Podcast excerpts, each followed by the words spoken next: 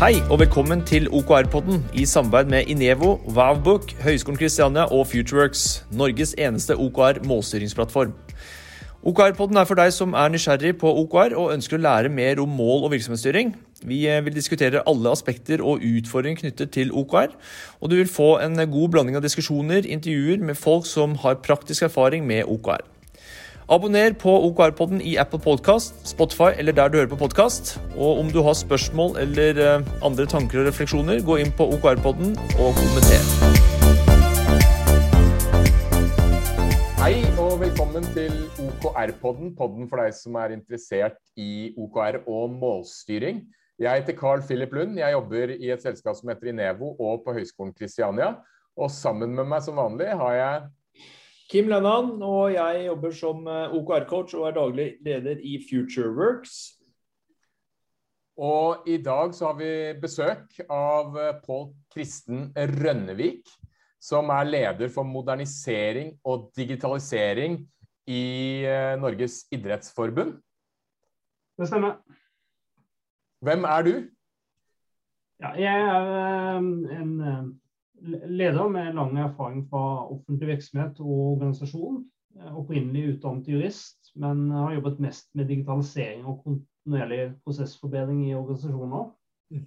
Eh, mye fokus på kvalitet på data og prosesser. Og har også jobbet mye med strategiimplementering alle stedene jeg har vært, og, og da også med målstyring eh, i de virksomhetene. Jeg regner med vi kommer litt mer tilbake til det, men jeg har mye erfaring med bl.a. Must-Win Battles, og jeg er veldig nysgjerrig nå på også OKR. Mm. Ja, og eh, når var liksom første gang du kom inn på temaet målstyring? Målstyring har jeg egentlig mer eller mindre drevet med siden jeg begynte å jobbe Eller er Iallfall siden eh, rundt 2000-årgangen. Eh, hvor vi brukte veldig mye målstyring inn i arbeidet. Da jobbet jeg i Rikstrygdeverket og hadde ansvar for mye av omleggingen, eller iallfall deler av omleggingen eh, inn mot år 2000. Og da ble jeg introdusert til eh, å jobbe med, med, type målstyring og viktigheten av det eh, i et såpass stort prosjekt som vi hadde på det tidspunktet. Og så har jeg jo egentlig vært, eh, har jeg egentlig fulgt meg hele veien oppover, for jeg har vært veldig opptatt av at vi får lagt en strategi, og at vi faktisk viser at vi følger opp den strategien og bryter den ned i tiltak. Og, og at vi kan vise progresjon i forhold til eh, det. Og få medarbeidere med på å forstå hva man skal bidra til inn i en helhet. Eh, men du kan si at det viktigste oppvåkningen var jo egentlig kanskje i Sykepleierforbundet, som jeg har jobbet i tidligere. Hvor vi gikk fra å ha Eh, omtrent ja, i fall 150 mål på overordnet nivå til at vi brukte must win battles til å komme ned på eh, fem eh, kamper vi skulle vinne. Og vi jobbet ganske med å bryte dette ned i hovedmål, delmål og strategiske tiltak. Og vi har også da jobbet med å få et verktøy som støttet dette. Eh, og det var en ganske god erfaring i en organisasjon som ikke var vant til å drive målstyring, men hvor jeg opplevde at vi fikk en ganske god progresjon i løpet av eh, en toårsperiode. Ja, hvor, hvor mange ansatte er det i Sykepleierforbundet? Eller sånn cirka, da? Er det hundrevis eller tusenvis? Nei, der var vi jo en eh, cirka, På det tidspunktet så var vi ca. 150 ansatte. Ja, så, all, så du, sa at, du, sa at, var, dere gikk fra 150 mål. Var det sånn at eh, hver ansatt hadde forskjellige mål, da, eller? Nei, altså det, det, er jo det med organisasjonen at du er en veldig politisk organisasjon, hvor du har et politisk ledd som har ganske store ambisjoner på hva man skal oppnå. Eh, og Der har du jo tillitsvalgte, som eh, du har et fylkesapparat der. Eh, det er jo det samme som vi har i idretten, for så vidt. At vi har regioner, 11 regioner. Der hadde vi jo 19 fylker på det tidspunktet. Og Så har du, har da et, et forbundsstyre som, som, hadde sine ambisjoner, og summen av det blir veldig fort at et landsmøte som var styrende der, faktisk da vedtok 150 mål, fordi at man skulle få med seg alle, alle spesiale interessene til ulike personer innenfor ulike faggrupper. Eh, og Da blir, blir, summen såpass mye. og Da blir det fryktelig vanskelig når da administrasjonen i etterkant skal jobbe med dette og egentlig finne ut hva er det viktigste vi skal fokusere på. Mm. Så, da, så da var det 150 mål. Var det liksom nedskrevne mål, eller var det sånn litt sånn diffuse mål som noen snakket om? Ja, altså det, det, er jo ofte slik at uh, det må gjøres et stykke arbeid. Når man får politiske vedtak, så er det ofte slik at det må bearbeides litt for at det kan bli noe man kan faktisk følge opp. Da. Så det, En del av det var nok litt sånn diffuse mål eller visjoner uh, som, uh, ja, som man måtte og så, så, må du ikke ta det helt bokstavelig med 150 mål, men det er i hvert fall bare for et bilde på at vi gikk fra ganske betydelig antall mål til å bli mye tydeligere i prioriteringene. Hvordan, hvordan, eh, hvordan, var Hvis du kan liksom slippe oss litt inn i prosessen med å gå fra mange mål, hvor det er liksom et landsmøte hvor det er vedtatt noe greier, og så kommer administrasjonen og skal begynne å, å strukturere de målene. hvordan var det den prosessen fungerte? Hva gjorde dere? Hvem var involvert? Altså, vi kjørte en, eh, selvfølgelig en ganske tung prosess med forbundsstyret vårt først. da, i, hvor vi da eh, tok utgangspunkt i, i, disse dokumentene som lå. Og så kjørte vi en, eh, egentlig en todagerssamling hvor vi da begynte å få de til å se innenfor dette og, og peke ut hva var de viktigste. Eh, og vi, vi, begynte å bryte oss ned da, og kom ned i 40 ganske fort. Og så kjørte vi en prosess hvor vi da prioriterte blant de 40, hvor de ble tvunget til å gjøre noen valg. da hva som var det absolutt viktigste. Og så endte vi opp med på det tidspunktet en seks kamper, og så jobbet vi oss ned til uh, Vi kom ned i fem da til slutt. Vi prøvde å komme ned i tre til fire, men klarte å komme oss ned i fem. Uh, og etter at vi hadde kjørt i forbundsstyret, så kjørte vi da ut mot fylkesstyrene, uh, som vi også hadde, uh, for å få deres input på det. og opplevde at vi, vi, kom ganske langt i, i forankring av det, og at de fleste så viktigheten av å begynne å prioritere på den måten. Eh, og så var jeg litt inne på det at vi også da samtidig utviklet et verktøy hvor vi da egentlig da fikk lagt inn eh, kampene med delmål. Eh, en del nøkkelindikatorer knyttet til delmålene også, som vi fulgte opp. Eh, og strategiske tiltak. Og kjørte dette også da inn mot planleggingsprosessen, hvor vi da fikk styret til å, å vedta eh, for så vidt altså strategiske tiltak som skulle ha fokus for det kommende år, koblet til da disse eh, ulike delmålene. Og man også gikk inn og brukte styringsretten til å si at eh, alle fylkene skulle eksempelvis jobbe med disse strategiske tiltakene. Ellers så kunne man velge fritt, men vi hadde i hvert fall et visst felles multiplum på det vi skulle jobbe med. Spennende. Hadde, hadde, dere en, eh, eller Gjorde dere dette her selv, eller var det noen eksterne fasilitatorer eller noen folk som liksom hjalp dere med å fasilitere? Ja, Vi brukte to ressurser fra Sprint Consulting i kombinasjon med, med undertellene som kjørte ja. denne prosessen. der. Spennende. Og da, Når du snakker om must win battles, hvordan, eh, hvordan vil du beskrive, liksom for de som aldri har hørt om must win battles, hvordan vil du, du forklart hva must win battles er? Jeg, jeg, vil jo egentlig bruke begrepet som vi i hvert fall både slo til i Sykepleierforbundet og, og, vi bruker i idretten nå. Det er, jo, det er, jo, de viktigste kampene som man er felles om at man ønsker å vinne i løpet av en uh, treårsperiode. Mm. Uh, og egentlig sånn at vi, altså, hva, hva, er vi, hva, er det viktigste at vi lykkes med i løpet av den neste treårsperioden? Og at man har en målformulering på det, og, og gjerne noen delmål som, som sjekker ut at man er på riktig vei der, da. Kan du gi et eksempel på det, eller er det, er det, eller er det sånn konfidensielle mål? Nei, altså et, et, eksempel vi hadde tydelig på, var jo at uh, i Sykepleierforbundet var jo at uh, man skulle ha Ingen sykepleiere skulle ha under 500 000 i lønn. Det var jo typisk et eksempel på, på, et, uh, på en kamp vi skulle vinne. Ja, interessant. Og så, hvordan, vil, hvordan vil du liksom jo, vi heter jo OKR-podden. Hvis du skal, hvis du skal liksom, basert på det du vet om must win battles og den uh, målstyringshistorikken du har også, uh, du har jo nett, eller Hvor lenge har du jobbet med OKR? Når er det du fikk vite om OKR? Nei, Jeg har jo egentlig jobbet litt med OKR i 2021. Før det så har jeg for så vidt hørt om det, men, men, det er først nå i år jeg har begynt å jobbe litt med det. da. Eh, eller så Vi har begynt å jobbe ganske mye med det, men, men ja. Hva vil du si er eh, Jeg ser jo mange likhetstrekk mellom must win battles og OKR, men hva vil du si er ja, Først kanskje likhetene, eh, og hva er forskjellene? Hvis du ser på det vi gjør i Idrettsforbundet nå, så har vi jo kjørt en prosess der også hvor vi nå er enige på ledernivå og også med styret at det er fem kamper vi skal på en måte ha, prioritere også i Idrettsforbundet. Og Det jeg ser på OKR som, er jo et, å gå fra det overordnede nivået eh, og begynne å operasjonalisere det ned på virksomhetsnivå og på teamnivå.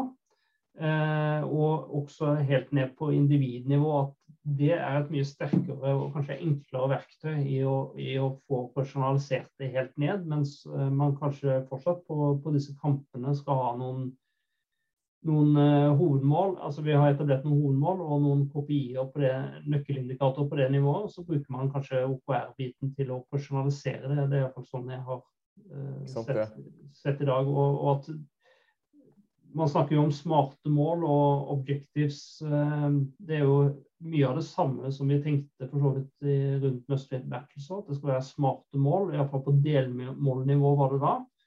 Eh, Objektivt er veldig tydelig på det at det skal være tydelige mål. Og så syns jeg det er veldig fint med disse nøkkelresultatene, som er egentlig en styrke rundt dette. som som egentlig får det til å bli litt mer konkret enn eh, å bruke kopi-dashbord, som er gjerne på et veldig aggregert nivå, men hvor du bryter det ned i noe som viser tydeligere de små stegene du gjør for å eh, vise progresjon. Mm. Så, så, Det er vel noe av den styrken jeg ser på det så langt. Så en av, de, en av de tingene som jeg har sett gjennom årene, er at sant, man sitter jo gjerne på overordnet nivå og legger strategier og har gode diskusjoner. Og så, Jeg tror mange bedrifter sliter med det å få det ut i organisasjonen. og Der er det jo et, eh, det er jo en, en artikkel fra Harvard Business Review hvor, eh, hvor, det er noen som har intervjuet ganske mange ansatte i ganske mange selskaper. og der har de Konklusjonen er at eh, er det? 95% av ansatte er uklare eller vet ikke hva selskapets strategi er.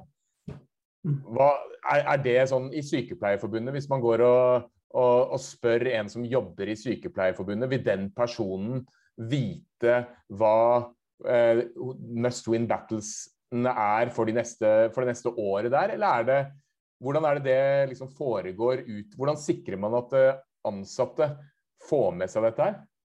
Det var, det var, jo det vi gjorde der, var jo egentlig å bygge et verktøy som egentlig eh, disrupta litt dette, hvor vi fikk da de enkelte eh, for så vidt ansatte til å gå inn og, og eh, da fikk, eh, Man jobbet med tiltak og oppgaver knyttet opp mot de enkelte delmål, og man så helheten i dette. og og Det førte jo til at alle i organisasjonen egentlig var involvert i både å fast, tenke tiltak og egentlig gi feedback på disse ulike delmålene og justering av de.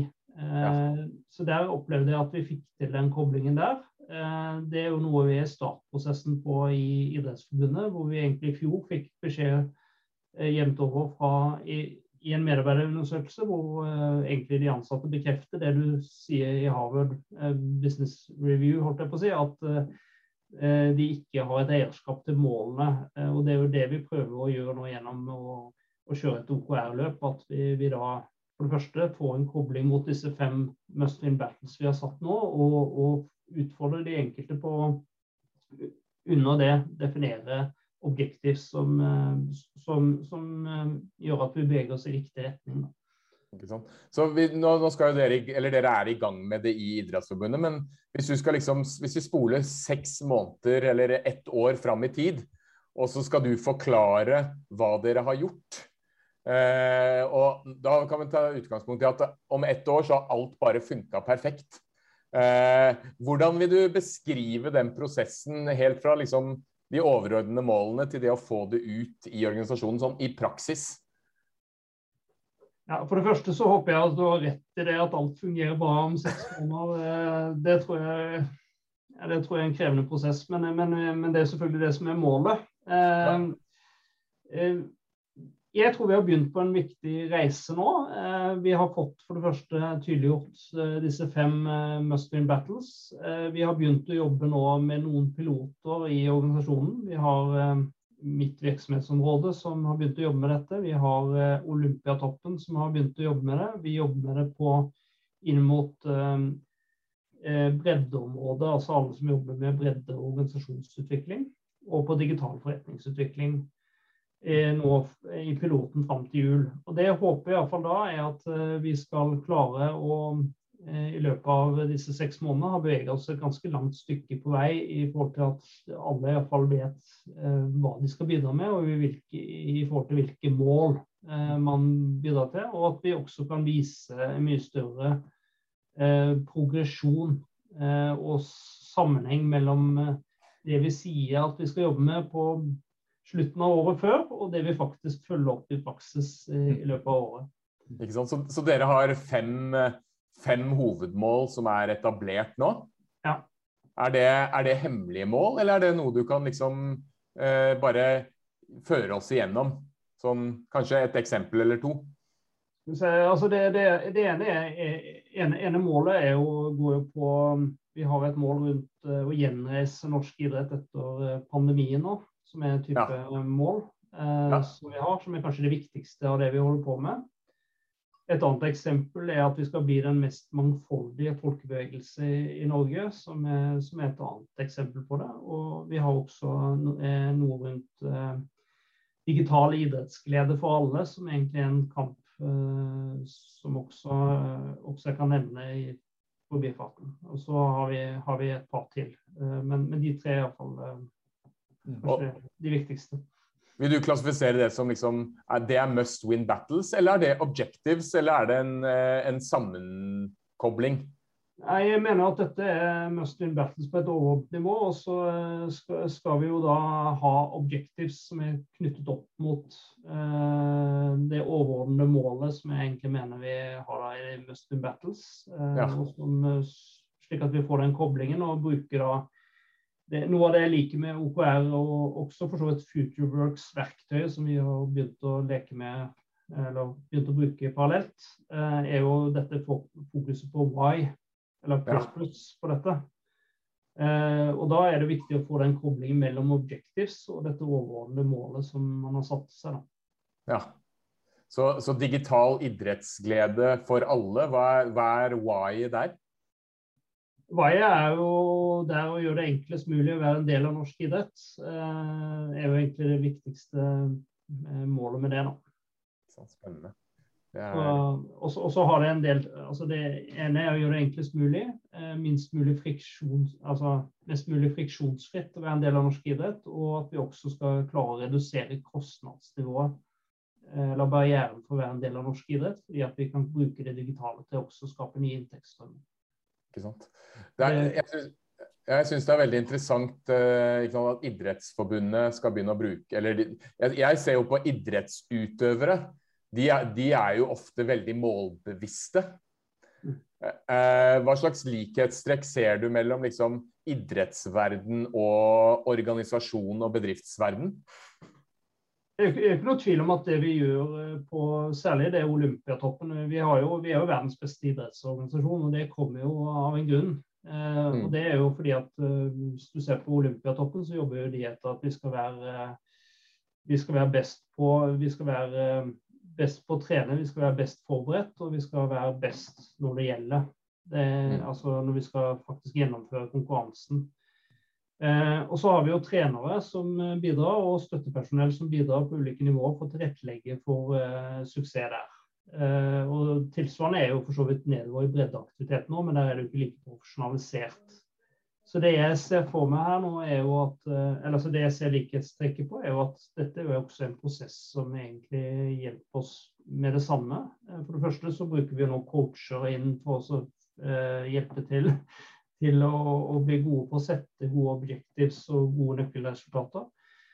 Så jeg ser på dette som, er, som, er, som, et virkemiddel til å bli mer transparente og mer synlige på tvers. Eh, hvordan man jobber målrettet, som vi har gjort iallfall eh, i toppidretten. Eh, jeg tror vi er bedre på det rundt selve aktiviteten enn vi har vært i forhold til utvikling av det administrative leddet, for å si det sånn.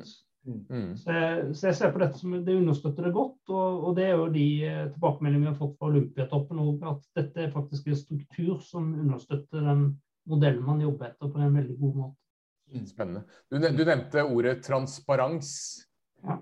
Eh, hvordan, hvordan eh, er det sånn at det skal være full åpenhet rundt Du, du, jo, du nevnte jo et par av de målene også, så det, det virker jo som eh, Idrettsforbundet er eh, åpen rundt målsetningen. Er det, er det sånn at i fremtiden så kan en person som jobber i én eh, del av Idrettsforbundet, skal kunne se målsetningene til de andre? sånn at er det full transparens rundt dette med målstyring og oppfølging? Det, det er jo min erfaring fra tidligere og, og tilbake til Sykepleierforbundet, at uh, når jeg begynte der i sin tid, så, så var vi jo en situasjon hvor mål og for så vidt budsjetter var ikke transparente og synlige for andre enn en den enkelte enhet. Mm. Uh, der gikk vi jo fra det til det var full transparens. Og det jeg så med dette målstyringsverktøyet vi hadde der, var jo at det var en veldig god effekt av oss at eksempelvis fylkene eller også avdelinger kunne se hva andre hadde jobbet med, og status på det. Og at eh, det førte til at man delte mer. Og kanskje satte seg ned og så på altså delte erfaringer på hva som var lurt, og hva som ikke var så lurt. Mm. Og når vi gjør dette i Idrettsforbundet, så ønsker vi jo også å gjøre det samme med at vi er veldig tydelige og dele for så vidt, eh, dele ambisjon mm. som objectives. Eh, og også kan synliggjøre eh, gode og dårlige eh, historier underveis. For det mener jeg er viktig når man skal lære. Ikke sant. Det er én ting som jeg lurer på med dette med strategiarbeid og egentlig målstyringsarbeid. Hvordan, hvordan sikrer man at det ikke blir sånn som mange strategiprosesser er, at man jobber veldig mye med det, og så legger man det i en skuff. Og så er det Hvordan sikrer man at det blir brukt i hverdagen og liksom at det er noe som er pulserende og praktisk? Altså, altså, jeg tror det handler litt om å ikke lage veldig tunge strategidokumenter. Veldig tilhenger av å tenke en one-pager egentlig med, med hva, hva, er den overordnede strategien, og heller legge mye mer krutt i hvordan man bryter den ned og personalisere den eh, gjennom det man faktisk prioriterer å jobbe med. Eh, det er iallfall min erfaring. Og at man, man da kanskje legger litt, eh, litt, mer trøkk i å fortelle storyen rundt, eh, rundt de overordnede målene. Eh, og så, og, så, er det jo det å vise i praksis at du får koblinger mellom det du har sagt og det du faktisk begynner å jobbe med, og følge opp på det nivået, som egentlig er det som gjør at det blir noe annet enn skrivebordsøvelse, som man ofte gjør en gang i året. i og at man også har en rapportering, men at det faktisk følges opp og at du skaper også en kultur for at du tenkte noe lurt, men det kan komme ny kunnskap inn. Slik at du også får rom for å kontinuerlig justere. Eh, og det er jeg veldig opptatt av i en strategiprosess. At eh, den eh, Man tenker noe, man eh, følger opp. Man skaffer seg innsikt om eh, hvor, hvor, man be, hvor, man er i bevegelse, at man er i bevegelse riktig sted, og så justerer man. For når man blir litt klokere på hva som var lurt, og hva som ikke var lurt. Ikke sant? Ja, fordi dette her med å følge opp I idretten så er det jo sant, sekundering. Og det er det jo også innenfor målstyring. Hvordan, hvordan, det gjøre, eller hvordan gjør dere sekunderingen? At det sørger for at folk vet hvordan de ligger an. Hvordan gjør dere det i praksis? Dere gjør det gjennom et verktøy, men uh, hvordan, hvordan, er liksom rutinene for oppfølging på ukesbasis? Eller månedsbasis?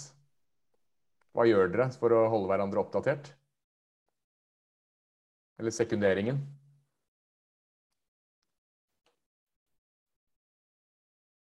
Oi, hallo?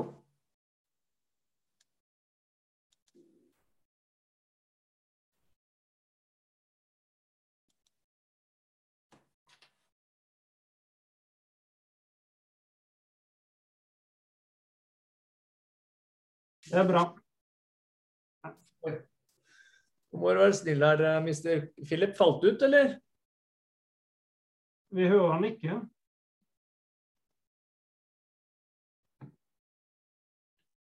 Hører Vi hører deg ikke. Der var du. Hva skjedde der? Jeg vet ikke. Det var du som ble borte. Vi andre var igjen. så... Rommet, Det blir spennende å se hvordan det ble på opptaket, men da må vi redigere litt. Ja. Så ble jeg helt stiv, eller?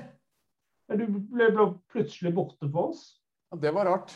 Det, jeg har sånn fiberlinje her, så det var rart. Men eh, ja. da får vi mm, håpe at det gikk greit. Jeg vet ikke hvor vi var hen heller. Nei, jeg, jeg, spurte om dette her med hvordan gjør man det i praksis. Ja. Denne sekunderingen, hvordan er det dere gjør det, eller hvordan dere har tenkt å gjøre det? Ja. ja. og da var det på det med å ta egen medisin, og at uh, involvert uh, meg i ledergruppen. Uh, og derfra tror jeg vi Ja, OK. Skal vi, skal, vi, begynne fra ledergruppen, eller skal vi begynne Ja, begynne Ja. ja. Gjør det. Søren. Ja, kjør på. Altså, altså, altså, fra møtene i ledergruppen, eller? Ja, ja, bare, ja jeg tror det. Ja. ja. Skal jeg stille, Da stiller jeg bare spørsmål en gang til. Ja, still, ja, still ja. spørsmål på nytt. Hvordan er dere har tenkt til å liksom gjøre denne sekunderingen eh, for å sikre at alle vet hvordan de ligger an? At ikke det blir en sånn, som du sa, en sånn skrivebordsøvelse, men at det, det blir liksom engasjement rundt gjennomføringen av, de, av disse målene? Ja, altså For det første så er jeg litt tilhenger av å ta egen medisin først selv for å kunne eh, stå med troverdighet ut i organisasjonen og si at uh, dette er way of working. Uh, og Derfor har vi begynt med ledergruppen hos, innenfor mitt virksomhetsområde nå først. og Der har vi med oss Kim en gang i uken nå, hvor han er med og utfolder oss i, i forhold til at vi faktisk har fulgt opp det vi har vært enige om rundt disse felles OKR-ene som ligger der.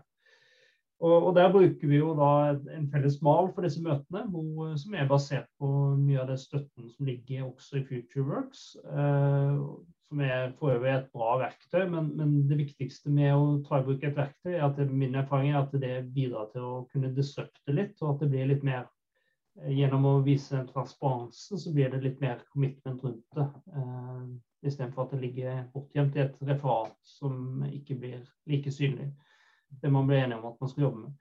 Eh, og Det andre er at vi har tatt dette videre til at de som sitter i ledergruppen nå, har vi fordelt eh, noen behovsområder som vi jobber med. Bl.a. knyttet til medlems- og organisasjonsregistrering, som bl.a. driver utvikling av medlemssystem, men også eh, fokus på oppfølging av kvalitet på data. og hvor vi da i ledergruppen har fordelt oss imellom hvem som følger opp de enkelte, og kjører ukentlige møter med de.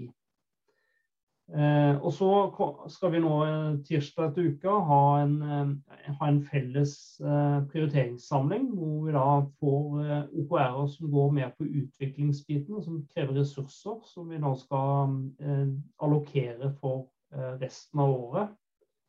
basert på de innspillene man har på OKR og mål og nøkkelresultater. Altså, og, og nøkkelresultater for, for, eller key results for kommende periode. Eh, så det ble også en veldig spennende samling.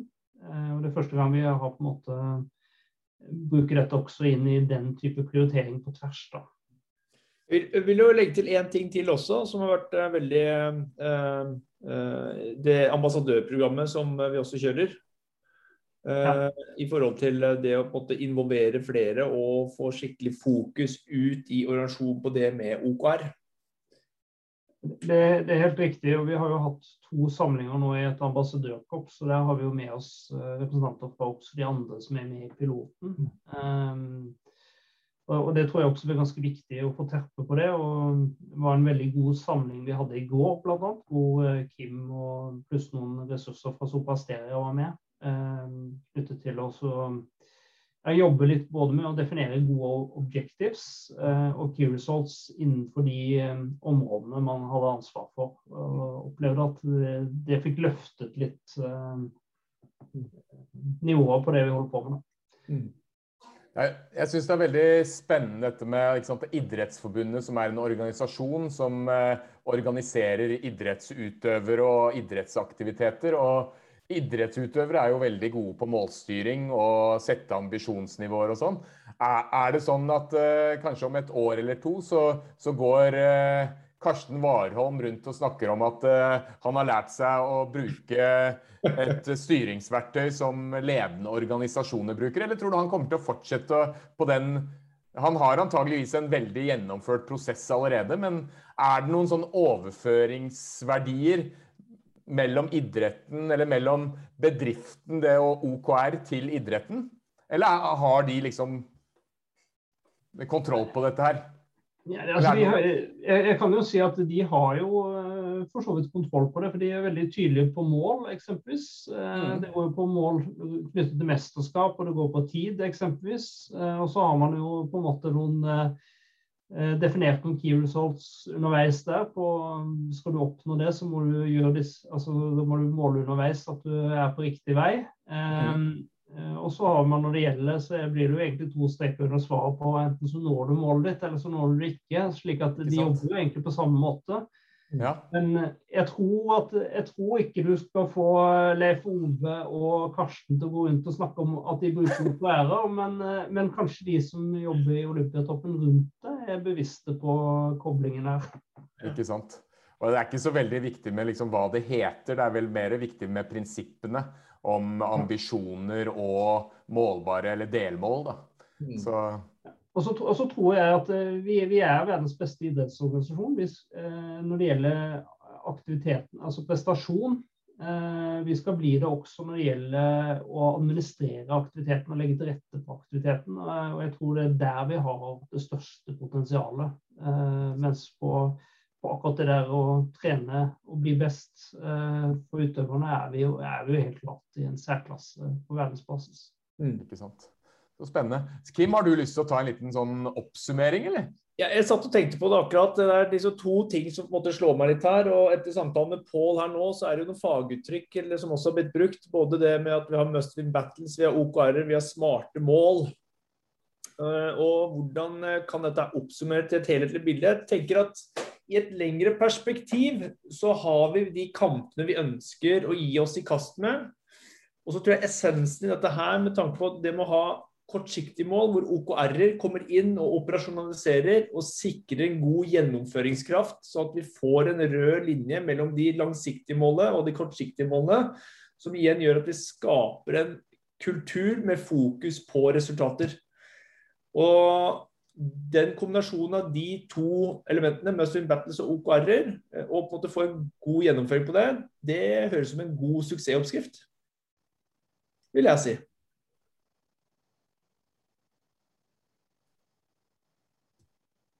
På Kristen, vil du si noe om hvordan, hvis folk har lyst til å kontakte deg, hvordan kan de komme i kontakt med deg?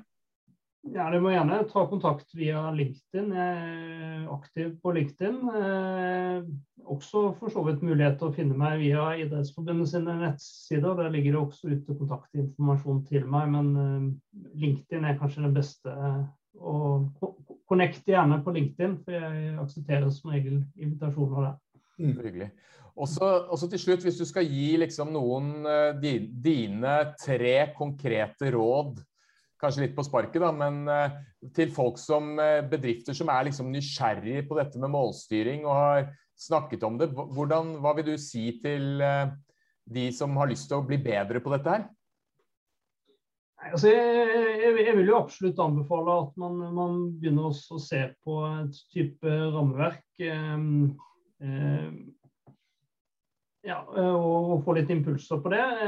Begynner også kanskje se litt på hvor tydelig er strategien formidla ut i organisasjonen, og hvor tydelige er målene der. Det er kanskje ett skritt å begynne med. Også, ellers så tenker jeg jeg tror, jeg tror, veldig på å bruke et rammeverk. Eh, jeg tror jo nå, eh, nå på veldig på Must Win Battles og OKR i sammenheng. Eh, jeg, jeg, tror ikke det betyr så mye egentlig hvilket verktøy man bruker, men begynn å definere tydelige mål og delmål, og, og få koblet det mot tiltak på ulike nivå. Det tror jeg er viktig at man begynner å ha bevissthet rundt. Og så tror jeg veldig på egentlig også å se på et type verktøy rundt dette for å disrupte litt. For jeg tror at uh, så lenge man opererer med et Excel- eller Word-dokument rundt dette, så tror jeg ikke det blir eh, tydelig nok og det blir ikke transparent nok til at eh, man tar et eierskap til det. Særlig organisasjoner som kanskje har vært eh, litt, litt dårlige på å definere tydelige mål og på å følge opp. Så, dette, så er dette en ganske utfordrende sak å komme i gang med. Og så vil jeg jo egentlig bare si en ting til òg, som jeg, syns er viktig. Den perioden vi har vært igjennom i covid-19 nå, eh, hvor alle har vært på hjemmekontor, holdt jeg på å si. Mm. Eh, det, og hvor vi nå begynner å snakke om den varige nye normalen som er hybride arbeidsformer. Mm. Man snakker mye om, og det gjør vi også, på dette med å jobbe i autonome team. Eh, da er det ekstremt viktig at man får på plass en type målstyring og oppfølging som gjør at man eh, faktisk får et bilde på hvor god man er mm. på dette. Og en litt mer løpende oppfølging. Mm. Kjempebra. Tusen hjertelig takk for eh, tiden i dag. og Det har vært kjempeinteressant å høre hvordan dere jobber med målstyring. Så da sier jeg vel egentlig bare takk for i dag. Kim, har du lyst til å si noen ja, det har jeg veldig lyst til. For de av dere som er ny til OKR-pod nå, det er uh, flere episoder ute på okrpod.no, og dere finner oss også på der du hører på podkastdag, Spotify, uh, eventuelt andre typer steder som dere hører på podkast. Så ta lytt der, og så finner dere oss der, og så tar dere kontakt med oss hvis det er noe dere lurer på. Ha en fin dag! OKR-podden er gjort mulig av Inevo, Vavbook og Futureworks, Norges eneste OKR-plattform som hjelper deg med å sette fart på innovasjon, utvikling og vekst.